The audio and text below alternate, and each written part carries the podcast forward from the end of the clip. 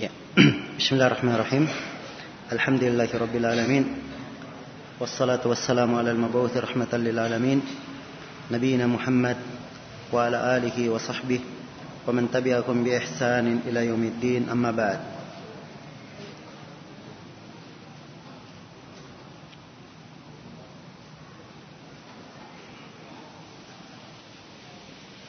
Apakah makmum mengucapkan takbir intikal ketika berjamaah?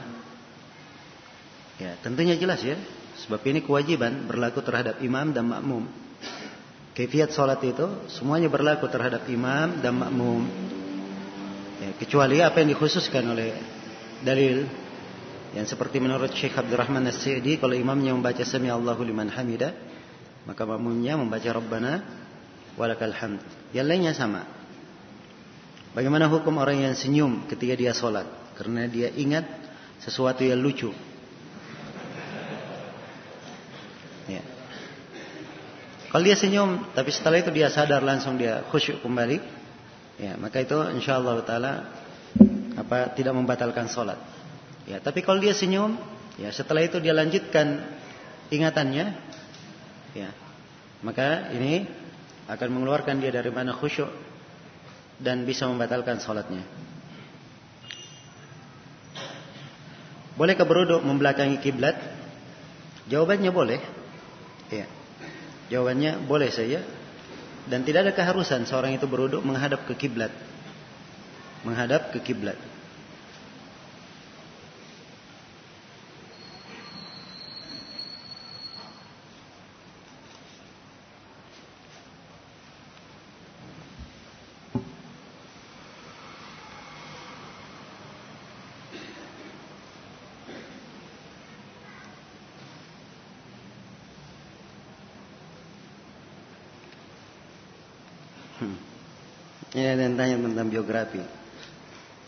Ya kalau mau biografi, baca biografi para ulama besar.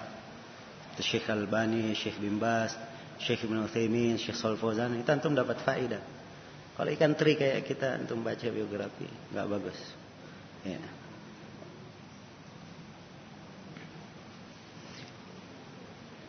Ini ijazah lagi. Ya, masa tiap kali pertemuan ada bertanya tentang ijazah lagi.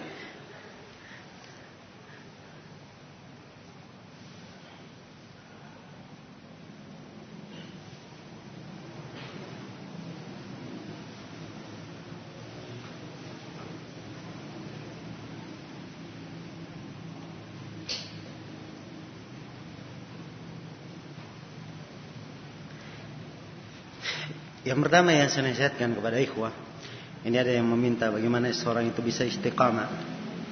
Yang saya nasihatkan kepada ikhwah, yang pertama dia menjaga keikhlasannya dalam menuntut ilmu. Kemudian yang kedua, dia menyibukkan dirinya dengan ilmu syar'i. Ini akan membantunya untuk istiqamah.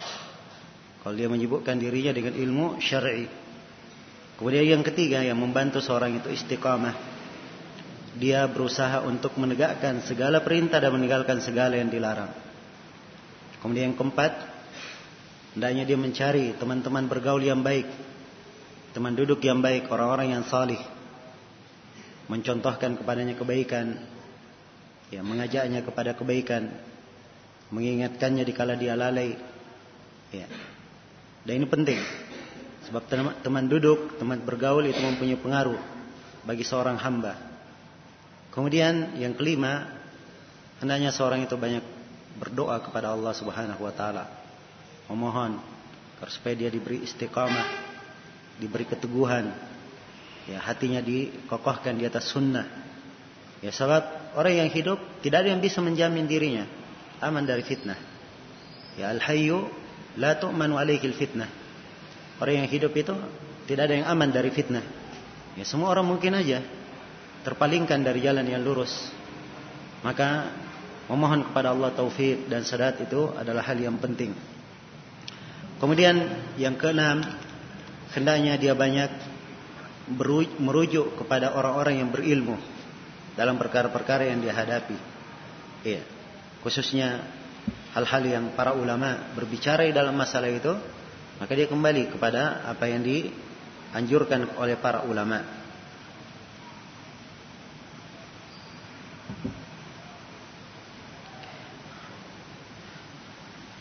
Apakah orang yang berhenti dari mondok dikatakan futur?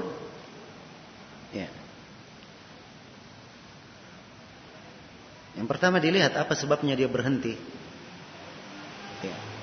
Kalau dia berhenti dalam makna dia meninggalkan menuntut ilmu, ya maka ini adalah sebab yang sangat memungkinkan untuk dia futur. Ya waliyadzubillah. Ya.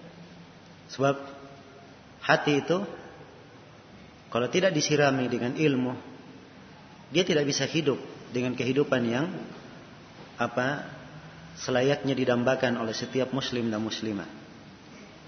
Hati itu hidup dengan ayat-ayat Al-Quran, dengan hadith-hadith Rasulullah Sallallahu Alaihi Wasallam, ya, dengan akidah yang kuat, fikih yang mendalam dalam agama.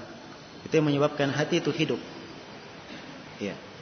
Apabila dia berpaling dari ilmu, maka Allah akan berpaling darinya. Ya. Dan ini kisah yang diriwayatkan oleh Imam Al-Bukhari dan Imam Muslim dari Abi Waqid Al-Laythi tentang tiga orang yang datang ke majelis Rasulullah sallallahu alaihi wasallam. Ya. Orang yang pertama melihat di majelis ada tempat kosong, dia maju ke depan. Orang yang kedua, dia duduk di belakang, dia malu, duduk di belakang. Orang yang ketiga, dia meninggalkan majelis. Maka Nabi melanjutkan pembicaraannya. Di akhir pembicaraan beliau berkata, inginkah kalian saya kabarkan tentang tiga orang yang datang? Adapun salah satu dari keduanya, ya, dia maju ke depan, ya, bersegera kepada Allah, bersegera ke depan, maka Allah pun bersegera kepadanya. Adapun yang kedua dia malu, maka Allah pun malu darinya. Ya. Malu terhadapnya. Adapun yang ketiga dia berpaling, maka Allah berpaling darinya. Allah berpaling darinya. Maka siapa yang berpaling dari menuntut ilmu ini adalah alamat apa? kejelekan bagi seorang hamba. Ya. Karena itu setiap orang bertakwa kepada Allah. Jangan sekali-sekali ada yang berjelek sangka terhadap ilmu agama. Iya. Ilmu agama itu mendatangkan kebaikan bagi seorang hamba. Iya. Kalau dia merasa hal itu memberatkan atau dia berat menuntutnya, maka dia harus meyakini perasaan itu datangnya dari jiwanya ya, yang memang terbiasa dengan hal yang keliru atau itu datangnya dari syaitan. Ya. Datangnya dari syaitan. Adapun ilmu agama itu dia adalah hal yang penuh dengan kesejukan, hal yang membawa kebaikan bagi seorang hamba, ya, jalan yang mengantar kepada sorga. Man salaka tariqan yaltamisu fihi ilma sahhalallahu lahu bihi tariqan ilal jannah. Siapa yang menempuh sebuah jalan yang dia mencari ilmu di dalamnya, maka Allah akan mudahkan untuknya jalan menuju kepada sorga. Demikian hadits Abi Hurairah yang diriwayatkan oleh Imam Muslim.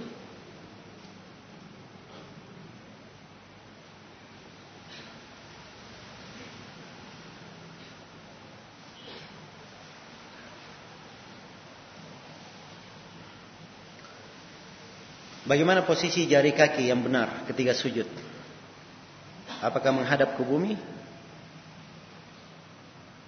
atau menghadap ke kiblat? Ya. Sunnahnya jari kaki itu ya ketika dia sujud dia tancapkan ya ketika dia sujud dan memang ada sebagian hadis yang menunjukkan disunnahkannya mengarahkannya ke kiblat. Tapi ini terkait dengan hukum sunnah. Dia bukan kewajiban. Bukan kewajiban.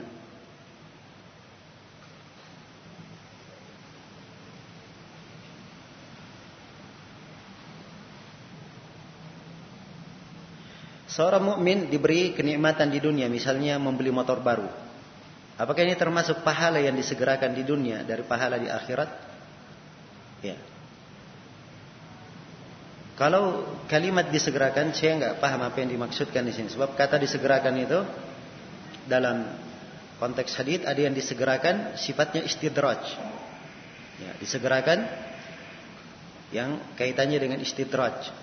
Dia disegerakan untuk diundurkan kejelekannya pada hari kiamat. Ya. Dan ada makna disegerakan itu dari bagian kebaikan yang disegerakan diberikan dan di akhirat juga tetap diberikan kebaikan. Ya. Maka ada kemungkinan ini dan kemungkinan itu. Ya. Ada kemungkinan yang pertama dan ada kemungkinan yang kedua. Karena itu seorang hamba melihat ya pada keadaan dirinya. Ya. Kalau hamba ini dia banyak melakukan dosa, maksiat tapi terus mendapat nikmat, maka jangan dia merasa tenang pada dirinya. Sebab Nabi sallallahu alaihi wasallam telah bersabda, "Idza ra'aita Allah yu'til 'abda ya wa huwa qa'imun 'alal ma'asi fa'lam innama huwa istidraj." Apabila engkau melihat Allah memberi seorang hamba kenikmatan dan hamba ini melakukan kemaksiatan-kemaksiatan, ketahuilah itu adalah istidraj. Ya, membuat dia semakin larut di dalam ya dosa yang dia lakukan semakin larut nanti begitu disiksa dia tidak bisa lepas lagi. Itulah firman Allah Subhanahu wa taala, "Falamma nasu ma dzukiru bih, 'alaihim abwaaba kulli syai' hatta idza farihu bima utu akhadnahum baghtah fa idza hum mublisun." Tatkala mereka melupakan apa yang mereka diingatkan dengannya, maka kami pun membukakan untuk mereka pintu-pintu segala sesuatu. Begitu mereka sudah bergembira dengan apa yang mereka dapatkan, kami pun menyiksa mereka secara tiba-tiba. Ya, jadi begitu mereka menyimpang, tidak langsung turun siksaan. Dibukakan dulu kenikmatan, segala sesuatu semakin terbuka. Ya, begitu mereka sudah bergembira dengan apa yang mereka dapatkan, Allah menurunkan siksaannya secara tiba-tiba. Dan mereka pun diliputi oleh siksaan, tidak bisa lagi keluar darinya. Waliyadzubillah. Itu istidraj. Ya. Dan semoga Allah Subhanahu wa taala menjaga kita semua dari hal yang seperti ini. Karena itu seorang hamba begitu dia mendapatkan nikmat, dia kembali melihat dirinya, memperbanyak taubat dan istighfar, ya. Mengoreksi keadaan dirinya, ya. Dan mensyukuri Allah Subhanahu wa taala di dalam nikmat tersebut. Yang menggunakan nikmat itu pada apa yang dicintai dan diridhai oleh Allah Subhanahu wa taala.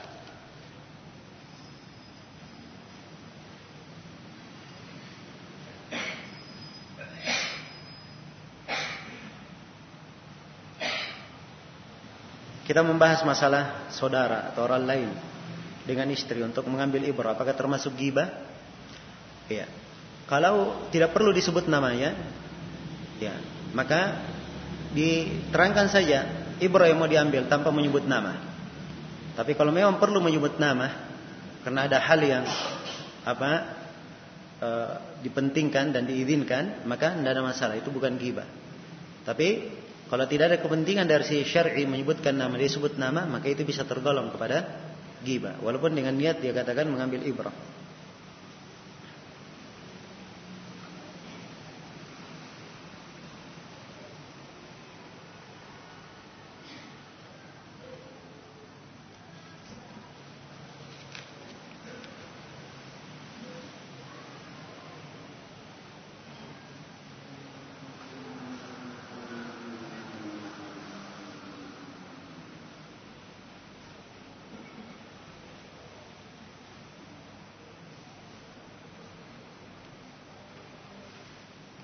Ini pertanyaan yang sifatnya pribadi ditanyakan secara pribadi saja.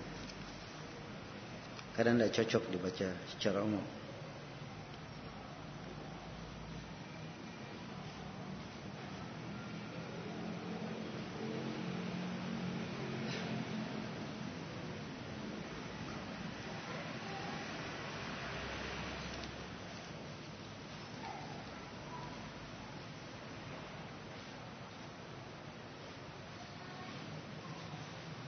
Saya adalah seorang pelajar dan salah satu guru saya menganut ingkar sunnah. Beliau sering menjadi imam dan saya beserta kawan-kawan lain menjadi makmum. Apakah syah solat saya? Ya, saya nggak paham ya ingkar sunnah apa yang dimaksud. Bagaimana bentuk pengingkarannya terhadap sunnah?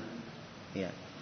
Apa maksudnya ingkar sunnah itu? Apakah dia punya kecondongan terhadapnya atau dia memang terbukti pernah mengingkari sunnah Nabi secara sengaja tanpa ada takwil. Ini dibedakan hukumnya. Ya, sebab ada yang kaitannya ahlul bidah, ya, dan ada yang kaitannya dikeluarkan dari keislaman. Ya. Dan yang seperti ini kalau seorang tidak mengetahuinya, dia tidak usah masuk di dalamnya. Ya. Dan saya sering mengucapkan bahwa saya tidak menasihati ikhwah yang baru, ya, banyak menyebutkan diri dengan hal yang mengarah kepada ini keluar dari agama atau tidak. Ya, tapi hal yang keliru dia ketahui saja itu keliru. Jelas ya? Dia tinggalkan. Kalau ada imam yang lain dia cari imam yang lain. Ya kalau tidak maka sepanjang belum jelas hakikat perkaranya kepadanya dia solat di belakangnya. Dan Nabi SAW telah bersabda sallu fa in asabu falakum walakum wa in akhtau falakum alaihim. Salatlah kalian kalau kalian benar, kalau mereka benar salatnya, maka pahalanya untuk kalian dan untuk mereka. Dan kalau mereka salah salatnya, pahalanya untuk kalian dan dosanya mereka yang tanggung. Iya. Apakah seorang muadzin disyariatkan untuk membaca doa setelah adan? Tidak itu syariat hanya ditujukan kepada orang yang mendengar adan. Adapun si muadzin dia tidak membaca. Tidak membaca doa. Ya, sudah berlalu bersama kita hadis Jabir riwayat Al-Bukhari itu ditujukan kepada orang yang mendengar adan. Setelah itu dia menjawab apa membaca doa.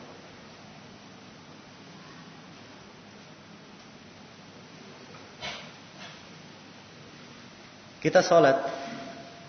Bacaan Al-Fatihah belum selesai. Kurang 2 per 3 ayat. Ya. Tapi imam sudah ruku. Maka kita selesaikan Al-Fatihah atau ikut ruku. Kalau memang sisa sedikit, 2 per 3 ayat dia selesaikan. Setelah itu ikut ruku. Sebab ini sedikit. Ya. Tidak mempengaruhi. Jelas ya? Dia selesaikan. Sebab kalau dia tidak selesaikan, dia tidak terhitung membaca Al-Fatihah. Tapi kalau imamnya sudah hampir berdiri, Ya, maka dia harus ikut imam. Dia harus ikut imam. Nanti setelah itu dia tambah satu rakaat karena dia tidak membaca apa? Tidak membaca Al-Fatihah dan Nabi bersabda la salata liman lam yaqra bi Fatihatil kitab. Tidak ada salat bagi orang yang tidak membaca surah Al-Fatihah. Bagaimanakah hukum nikah siri? Ya. Nah ini sedang ramai dibahas tentang masalah ya nikah siri. Ya.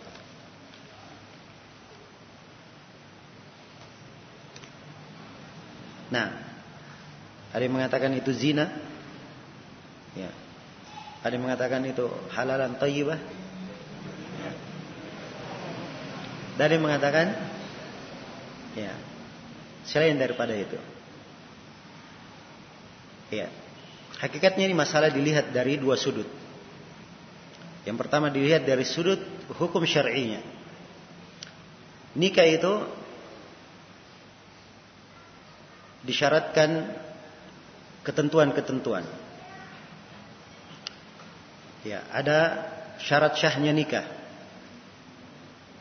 Ada ijab, ada kabul, ya, ada wali, ada saksi, apa dua saksi, ya. Kemudian ada mahar bagi sebagian para ulama yang memasukkan di dalamnya syarat wajibnya, syarat syahnya. Jelas ya? Ya sepanjang ini sudah terpenuhi, asal akadnya adalah syah. Jelas ya? Asal akadnya adalah syah. Kalau tidak terpenuhi, maka akadnya tidak syah. Nikahnya tidak syah. Ya. Ini sudut yang pertama. Sudut yang kedua, ya. Pernikahan itu dari hal yang ada hubungannya dengan pemerintahan. Karena itu dia harus masuk di dalam catatan pemerintah. Siapa yang sudah menikah dan siapa yang belum menikah. Sehingga kalau terjadi hukum talak, ya, terjadi hukum talak, maka itu pemerintah khususnya di pengadilan bisa menjatuhkan hukum. Ya kalau misalnya ditalak dan sebelumnya tidak pernah tercatat menikah, bagaimana caranya dijatuhkan talaknya? Ya, jelas ya? Maka terkait dengan hal ini, ini pertimbangan Ya, pemerintah punya kebijaksanaan di situ. Dia ingin menetapkan nikah itu harus semuanya dengan catatan, dicatat di KUA misalnya yang mengurusi pernikahan. Maka itu adalah wewenang pemerintah. Ya. Dan dari maslahat yang dia pandang dan memang itu adalah hal yang sepatutnya ditetapkan oleh pemerintah agar supaya tidak menutup pintu agar supaya tidak membuka pintu orang berbuat kerusakan di dalam pernikahan. Sebab banyak ada orang yang melakukan nikah mut'ah tidak memenuhi syarat. Ada yang nikah kontrak. Ya. Nikah kontrak. Ya. Ini banyak istilah yang dipakai sekarang. Ya. Dan naudzubillah sebagian orang ya memang apa asalnya orang-orang yang tidak punya akhlak ya bahkan mungkin dikatakan syaitan berbadan manusia ya kadang menawarkan nikah-nikah itu dengan ya model syar'i nikah sementara sampai saya apa sering menjumpai kalau kembali ya biasanya dari Saudi Arabia itu banyak orang-orang Arab yang ikut itu di bandara sudah dibagikan kartu-kartu ya ini menikahkan. Ya. Dia menikahkan. Coba dibayangkan.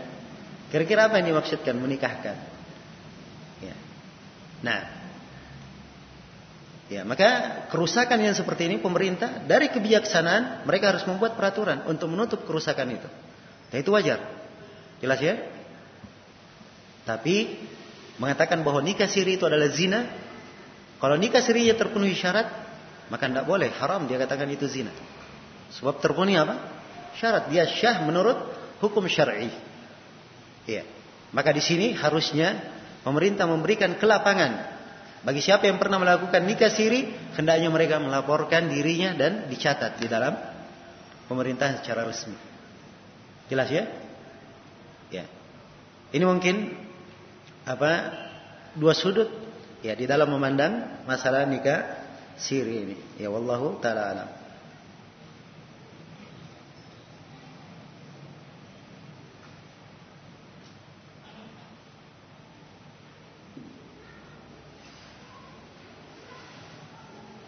Memasukkan hidung ke dalam, memasukkan air ke dalam hidung.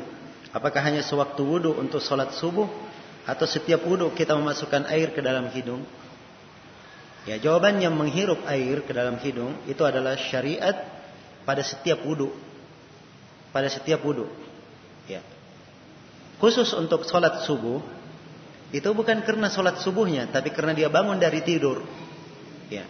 Kalau dia bangun dari tidur, disyariatkan dia menghirup air untuk apa namanya hidungnya. Ya, sebab syaitan bermalam di situ. Ini kalau dia tidak beruduk, uduk sempurna, dia boleh mengambil apa namanya air uduk, dia hirup untuk mengeluarkan syaitan di situ. Ya.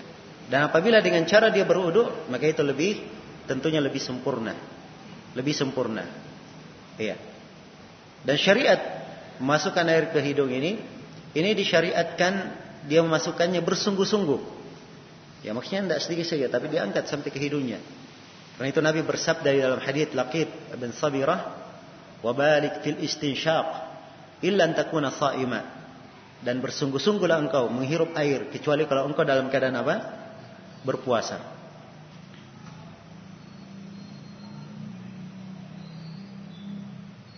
Dalam solat sewaktu kita sujud, apakah ada syarat atau ketentuan tumit harus disatukan? Ya, kalau syarat tidak disyaratkan. Kalau bertanya apakah ada ketentuan? Iya, ada hadis yang menjelaskannya. Hadisnya dikuatkan oleh Syekh Al-Albani, tapi Para ulama yang lainnya melemahkan. Ya Syekh Mukbil melemahkannya. Di ta'liq beliau terhadap Mustadrak Al-Hakim. Ya demikian pula Syekh Bakar Abu Zaid melemahkan. Ya. Nah, jelas ya? Dan ya, insyaallah taala pendapat yang mengatakan itu riwayat yang lemah itu pendapat yang lebih kuat. Pendapat yang lebih kuat. Saya lebih condong ke pendapat yang melemahkan. Baik. Jadi asalnya di dalam sujud ya tidak ada ketentuan. Ingin dirapatkan silahkan, tidak dirapatkan silahkan.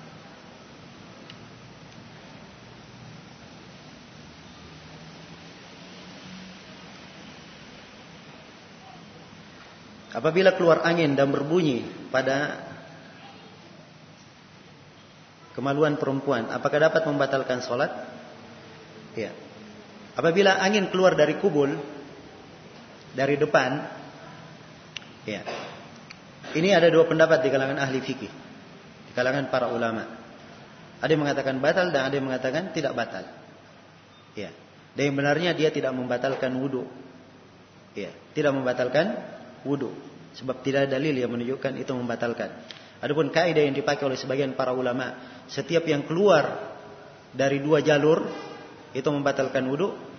Ya, ini kaidah harusnya diarahkan kepada apa yang keluar dari dua jalur dan dalil menunjukkan bahwa itu membatalkan wudhu, baru dikatakan membatalkan wudhu. Sebab asalnya tidak ada yang membatalkan wudhu kecuali dengan dalil.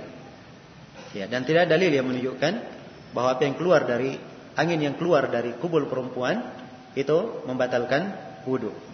Maka wudhunya tidak batal berarti sholatnya syah. Ya.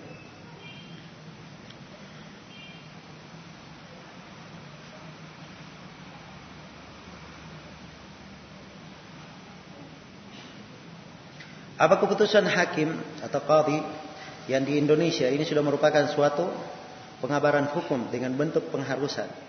Ya saya tadi berbicara tentang hukum peradilan dalam syariat kita. Ya saya tidak berbicara di apa namanya hal yang di luar syariat kita. Hal yang di luar syariat kita. Ya. Tapi harus diketahui bahwa sebagian perkara yang terkait di peraturan umum walaupun dia bertentangan dengan syariat itu kadang ada di dalam sebagian pembahasannya dia mesti untuk dilakukan karena dilihat kepada sudut-sudut pandang tertentu. Ya. Dan ini masalah saya tidak masuk di dalamnya. Ya, sebab memang itu bukan urusan saya. Ya, itu urusannya peradilan. Ya, jelas ya?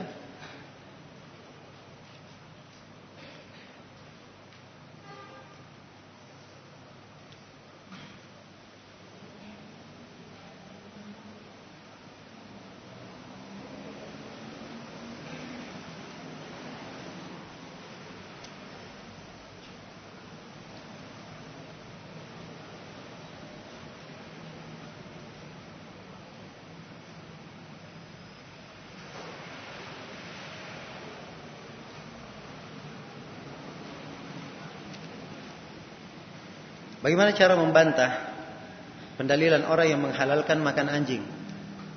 Ya sebenarnya mereka yang apa namanya menghalalkan makan anjing ini adalah orang yang kurang belajar. Ya, itu aja kesimpulannya. Orang yang keluar kurang belajar. Diambil dari satu pendalilan ulama, dia tinggalkan yang lainnya. Ya. Dia tinggalkan lainnya. Dia memakai pendalilan madhab Hanafiyah di dalam masalah. Ya, sebab orang-orang Hanafiyah kalau ada nas dalam Al-Quran hanya tertera begitu, kapan ada hadis yang mengkhususkan nas, maka itu mereka menganggapnya mansuh. Ya. Jadi pendalilannya mereka begini. Sekarang dalam Al-Quran Allah berfirman, "Qul la ajidu fima uhiya ilayya muharraman ala ta'imin yata'amuhu illa yakuna maitatan aw daman masfuhan aw lahma khinzir fa innahu rijis aw uhilla li ghairillah." Ya. Al-ayat. Katakanlah Muhammad saya tidak menemukan apa yang diwahyukan kepadaku sesuatu yang diharamkan terhadap orang yang makan untuk memakannya kecuali ya, jadi mereka katakan di dalam Al-Quran hanya disebutkan empat hal yang diharamkan untuk dimakan. Ya jelas ya? Bangkai darah mengalir kemudian daging babi dan apa yang disembelih dengan ya untuk selain Allah. Jelas ya? Ini saja yang diharamkan Siapa yang menyebutkan hal yang diharamkan selain dari empat? Pendalilannya orang Hanafiyah ini berarti dia menambah nas ayat. Kalau dia menambah nas ayat berarti itu artinya dia memansuhkan ayat. Dan ini tidak boleh. Karena itu mereka hanya pegang apa? Empat saja. Dan ini pendalilan yang keliru. Ya. Dari sisi asal ilmu usul fikihnya. Sebab jumhur berpendapat itu bukan nasakh. Tapi itu adalah dia memberikan tambahan. Sunnah itu punya fungsi ya, menjelaskan Al-Quran menafsirkannya atau sunnah membawa hukum baru yang digabungkan bersama hukum yang ada di dalam Al-Quran melengkapi. Jelas ya? Ya. Dan ini banyak pendalilan. Ya. Banyak pendalilan berlaku seperti ini. Saya contoh misalnya di dalam Al-Quran Allah Subhanahu wa taala berfirman, "Wa laysa lil insani illa ma Dan manusia tidak mendapatkan kecuali apa yang dia upayakan. Berarti asalnya manusia yang sudah meninggal, semua amalannya terputus, tidak ada yang sampai. Kan begitu? Ya. Jadi kalau begitu tidak ada amalan yang sampai setelah meninggal. Ini berdasarkan ayat. Tapi ternyata hadis ada memperkecualikan banyak amalan bisa sampai kepada pelakunya. Ya, diperkecualikan sejumlah amalan. Maka ini harus diterima sebab hadis menjelaskannya. Hadis menjelaskannya. Maka kalau ingin membantah orang yang seperti ini, ya dibantah dari sisi dasar pendalilannya. Ya, ini pun kalau orang-orang yang menghalalkannya mengerti dasar pendalilannya orang Hanafiyah. Dan saya menyangka kebanyakan mereka tidak mengerti. Ya. Hanya sekedar mengikuti saja dan yang kuatnya begini. Ya. Nah, jelas ya?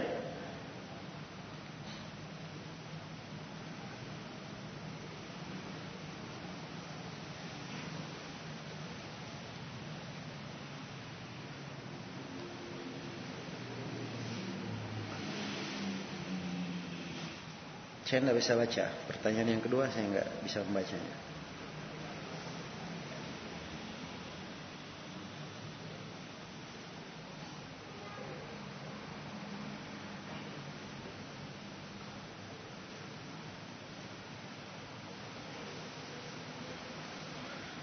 Saya tinggal di asrama sekamar dengan orang yang melalaikan sholat dan perkara agama lainnya. Ketika saya menasihatinya dan mengingatkannya, membuat dia menjauh dan memusuhi saya. Itu membuat saya merasa sempit dan berat. Ini mungkin cara menasihati yang perlu di, diperhatikan. Ya. Obat itu, obat itu, ya tidak selamanya cocok kepada orang yang diobati. Ya. Ada kadang dilihat waktunya obat itu cocok atau tidak. Kadang tubuhnya bisa menerima obat itu atau tidak. Semuanya diperhatikan. Ya. Jadi seorang yang ingin memberikan nasihat, dia seakan-akan akan memberi obat. Ini obatnya cocok atau tidak untuk orang tersebut? Iya. Demikian. Maka kapan dia kalau memberi nasihat membawa mafsadat, dia tidak diharuskan memberi nasihat pada saat itu. Dia mungkin bisa melihat waktu yang lain. Waktu yang lainnya. Nah, dan nasihat itu tidak harus seorang dengan cara berbicara. Boleh dengan cara dia memberi contoh. Memberi contoh. Iya. Maka ini dari hal yang hendaknya diperhatikan. Ya. Kalau memang terjadi dia sudah berusaha ya dan tetap dia dijauhi misalnya dan dilakukan padanya hal-hal yang tidak baik, maka dia bersabar. Ya, sebab dia berbuat sesuatu yang membalas hal itu pun tidak ada gunanya. Ya. Tidak ada gunanya. Nah,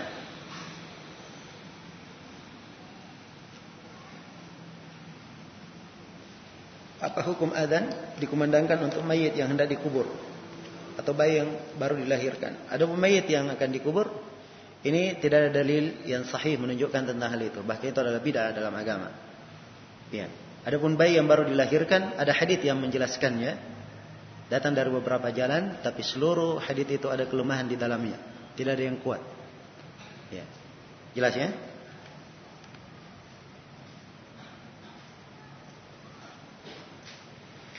Apa hukum mengucapkan salam ketika bertelepon. Ya. Boleh saja kalau dia misalnya apa menerima telepon, kalau dia dari pihak menerima, ya maka harusnya dia tidak memulai dengan memberi salam. Ya, apakah dia memulai dengan kata iya atau ya kata yang semisal dengan itu untuk memancing dia berbicara. Jelas ya? Sebab kalau dia langsung assalamualaikum ternyata yang menelpon adalah orang yang non muslim bagaimana? Iya, jelas ya? Kalau dia ternyata setelah menelpon dia sudah mendengar suara di seberang sana dan dia sangka bahwa itulah orang yang dia tuju dan dia tahu adalah seorang muslim, maka dia mulai memberi salam. Itu sama saja kalau seorang ketemu dengan saudaranya muslim, maka dia dari hak muslim itu dia diberi salam atau dari hal yang dianjurkan seorang memberi salam.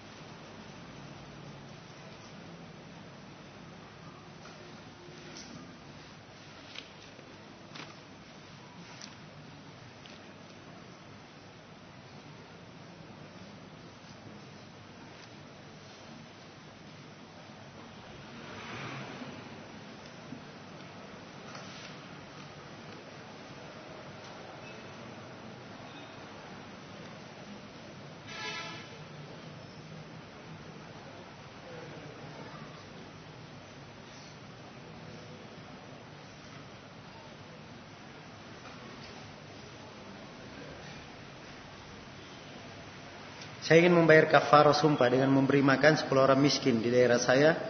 Sulit mencari orang miskin sesuai kriteria saya. Ya, jangan cari sesuai dengan kriteria. Ya.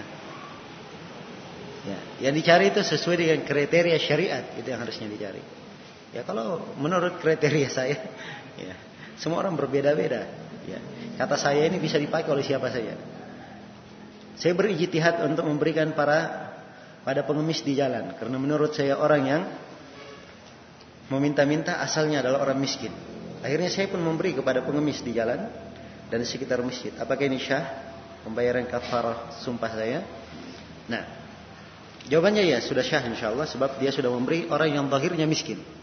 Kecuali kalau belakangan nampak ada sebagian yang diberi orang kaya, maka dia harus ulangi. Dia berikan kepada dia cara orang miskin yang lainnya.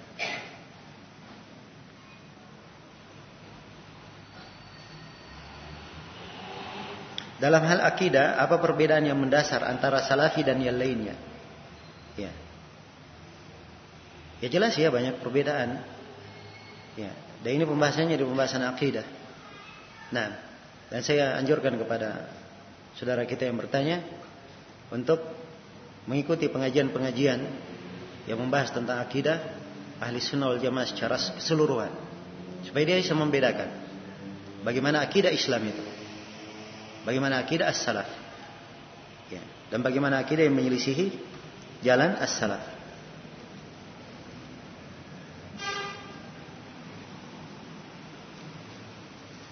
Bolehkah menumpuk pundak makmum ketika makmum tunggal?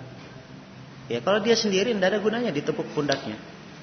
Dia berdiri saja langsung di sebelah kanannya, ya ikut sholat. Ya, dan kalau misalnya ada orang yang sholat, ada yang berdiri sebelah kanannya ikut sholat, kira-kira apa yang dipahami? Hah? Dia bermakmum atau tidak? Ya sudah dipahami dia bermakmum. Untuk apa lagi dia pukul pundaknya orang mengganggu saja? Ya. Jelas ya? Kecuali kalau mereka berdua. Nah, makmumnya datang dua orang masbuk, dia ingin ikut. Nah, maka itu pun bukan memukul pundaknya, Ya, cuman dipegang saja, diisyaratkan bahwa ada orang di belakang. Sebab kalau dia memukul, wah gawat. ya, atau kalau dia tepuk tepukannya agak keras bagaimana? Ya. Diisyaratkan saja bahwa ada yang ikut di belakangnya. Jelas ya? Baik.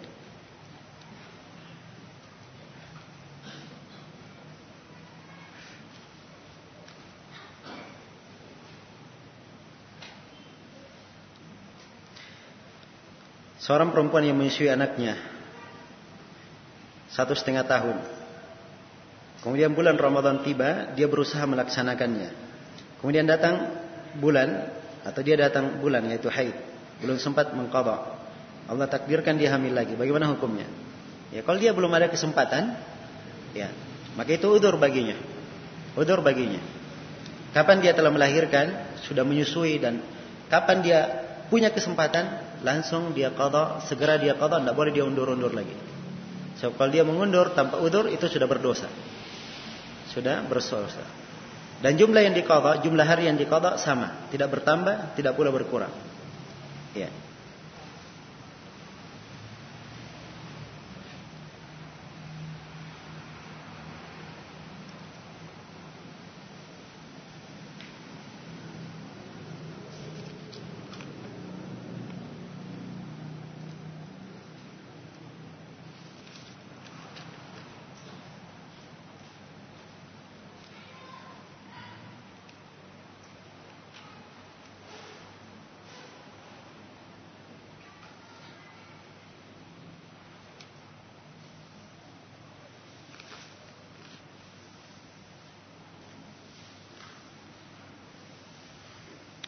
Ya, jika seorang tersadar bahwa tanpa sepengetahuannya, tanpa sepengetahuan temannya dia telah berlaku zalim.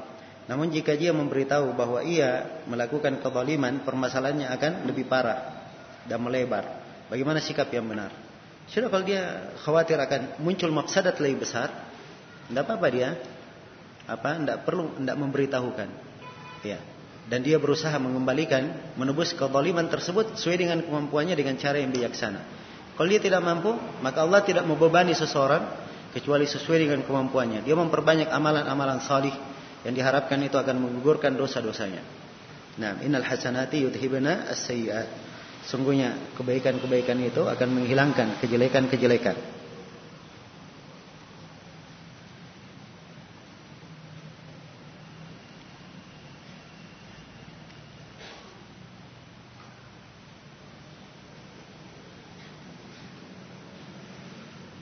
Apabila kita terlambat dua rakaat pada sholat yang berjumlah empat rakaat, maka bagaimana posisi duduk, duduk makmum?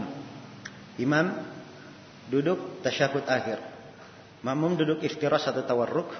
Jawabannya makmum duduknya duduk iftirash. Duduknya duduk iftirash. Iya.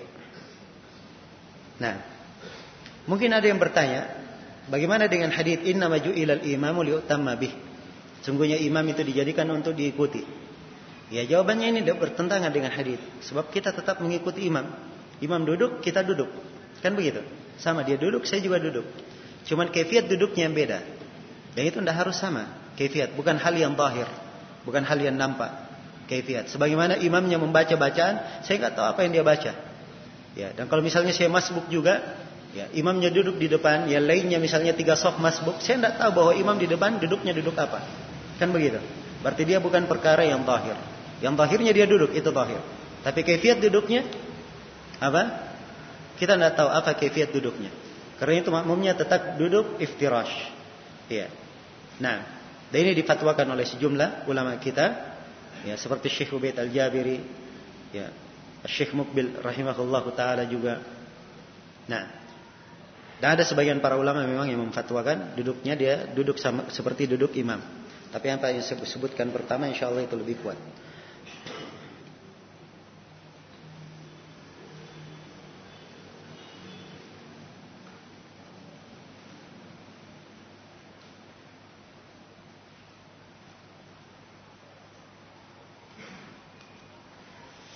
Apa yang hendaknya dilakukan bagi seorang ahli sunnah dalam menghadapi fitnah perpecahan antara ikhwah dalam keadaan bingung siapa yang harus aku ikuti.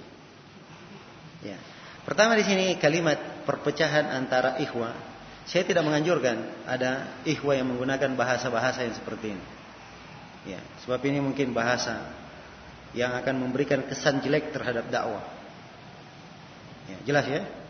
Saya nggak suka dikatakan bahwa di dalam dakwah salafi ada perpecahan, ada apa namanya, ya, ada blok apa ini blok itu? Itu keliru. Jelas? Ya. Kalau ada yang mengesankan perpecahan maka yang mengesankannya itu yang salah. Ada pun dakwah salafiyahnya sendiri dakwah salafiyah adalah dakwah yang satu. Ya. Ahli sunnah adalah orang yang berpegang dengan sunnah. Dikatakan mereka ahli sunnah karena berpegang dengan sunnah dan dikatakan mereka ahlul jamaah karena mereka di atas jamaah menjaga ijtima lawan dari perpecahan. Lawan dari perpecahan kalau ada masalah-masalah di dalamnya itu adalah masalah yang terjadi. Ya. Memang dari konsekuensi ilmu harus diselesaikan secara ilmiah. Tapi bukan artinya itu adalah suatu hal yang mengharuskan kita menggambarkan bahwa dakwah ini berpecah. Itu penggambaran yang keliru. Ya. Penggambaran yang keliru. Karena itu saya ingatkan berulang kali. Jangan sampai ada yang mengesankan ya penamaan dakwah dengan kesan yang membuat orang lari dari dakwah itu. Siapa yang melakukan hal ini maka hendaknya dia ya mempersiapkan untuk menanggung perbuatannya di depan Allah Subhanahu wa taala. Ya. Dan ini yang sering saya ingatkan kepada sebagian ikhwah yang terlalu keras, terlalu berlebihan, ekstrem di dalam bersikap sehingga sebagian orang kadang pemula lari karena perbuatannya. Ini orang-orang yang seperti ini hendaknya dia menanggung ya. Dari perbuatannya membuat orang lari dari agama Allah Subhanahu wa taala.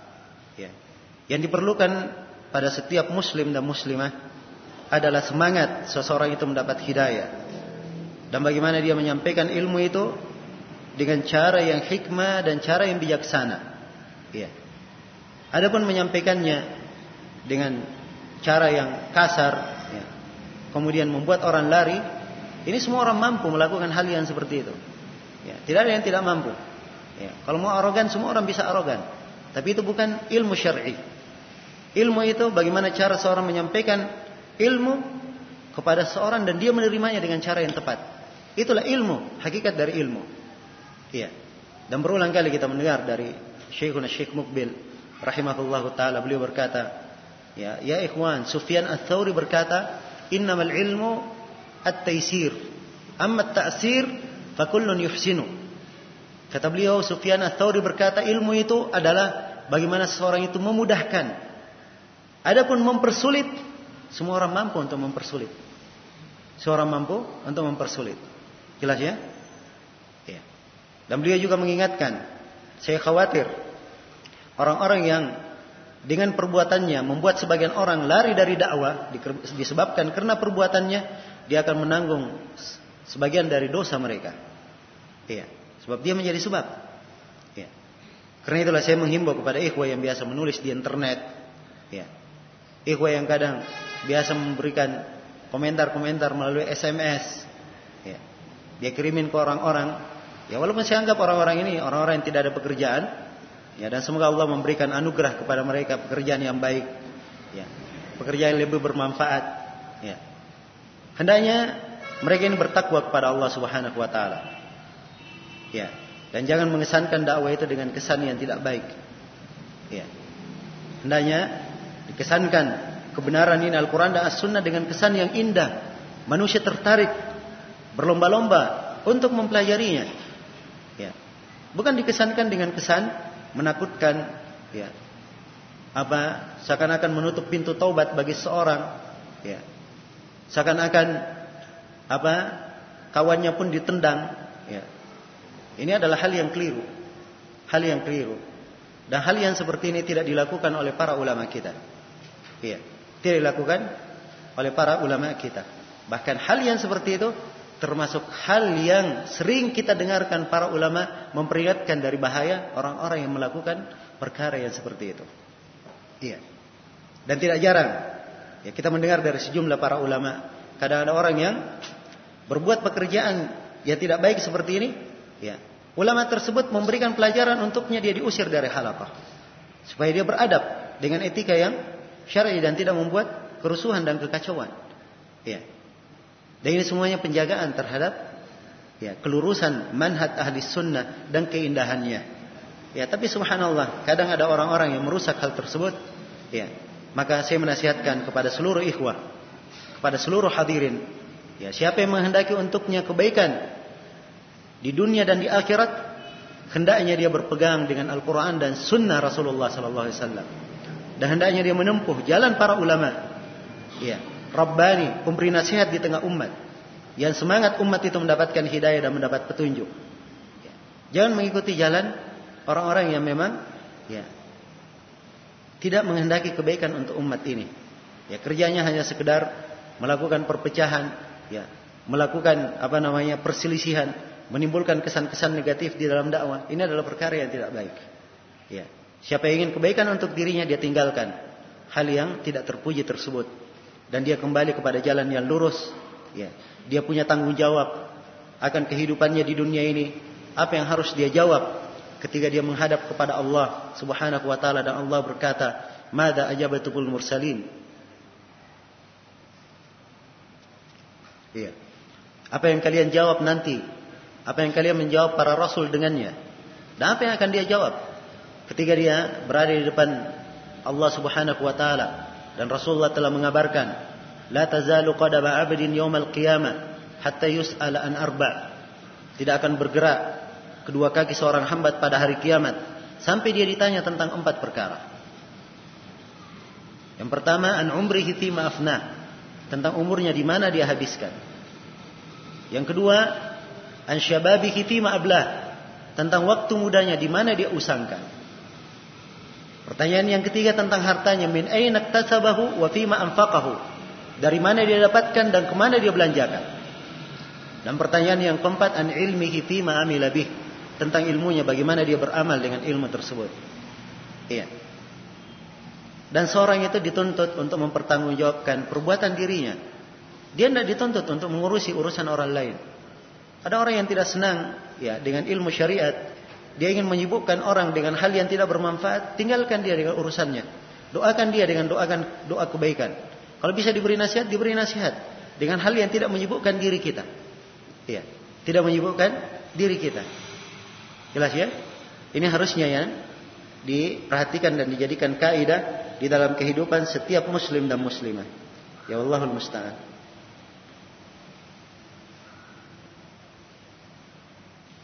Baik, sudah Berlalu waktunya setengah jam. Harusnya dia berhenti di 8 seperempat. Tapi sekarang sudah jam 9 kurang seperempat. Baik ini pertanyaan banyak insya Allah nanti ada ustadz-ustadz kita di sini menjawabnya. Ya. Dan ya baik. Ya. Kita cukupkan pertemuan kita di Doro kali ini dan saya bermohon kepada Allah Subhanahu wa taala mudah-mudahan apa yang kita dengarkan pada daurah kali ini ada manfaatnya untuk kita semua membawa kebaikan dan berkah untuk kita semua di dunia dan di akhirat. Dan saya uh, mohon maaf sebesar-besarnya atas segala kekurangan dan kesalahan. Subhanakallahumma bihamdik asyhadu an la ilaha illa anta astaghfiruka wa atubu ilaik walhamdulillahi rabbil alamin. Wassalamualaikum warahmatullahi wabarakatuh.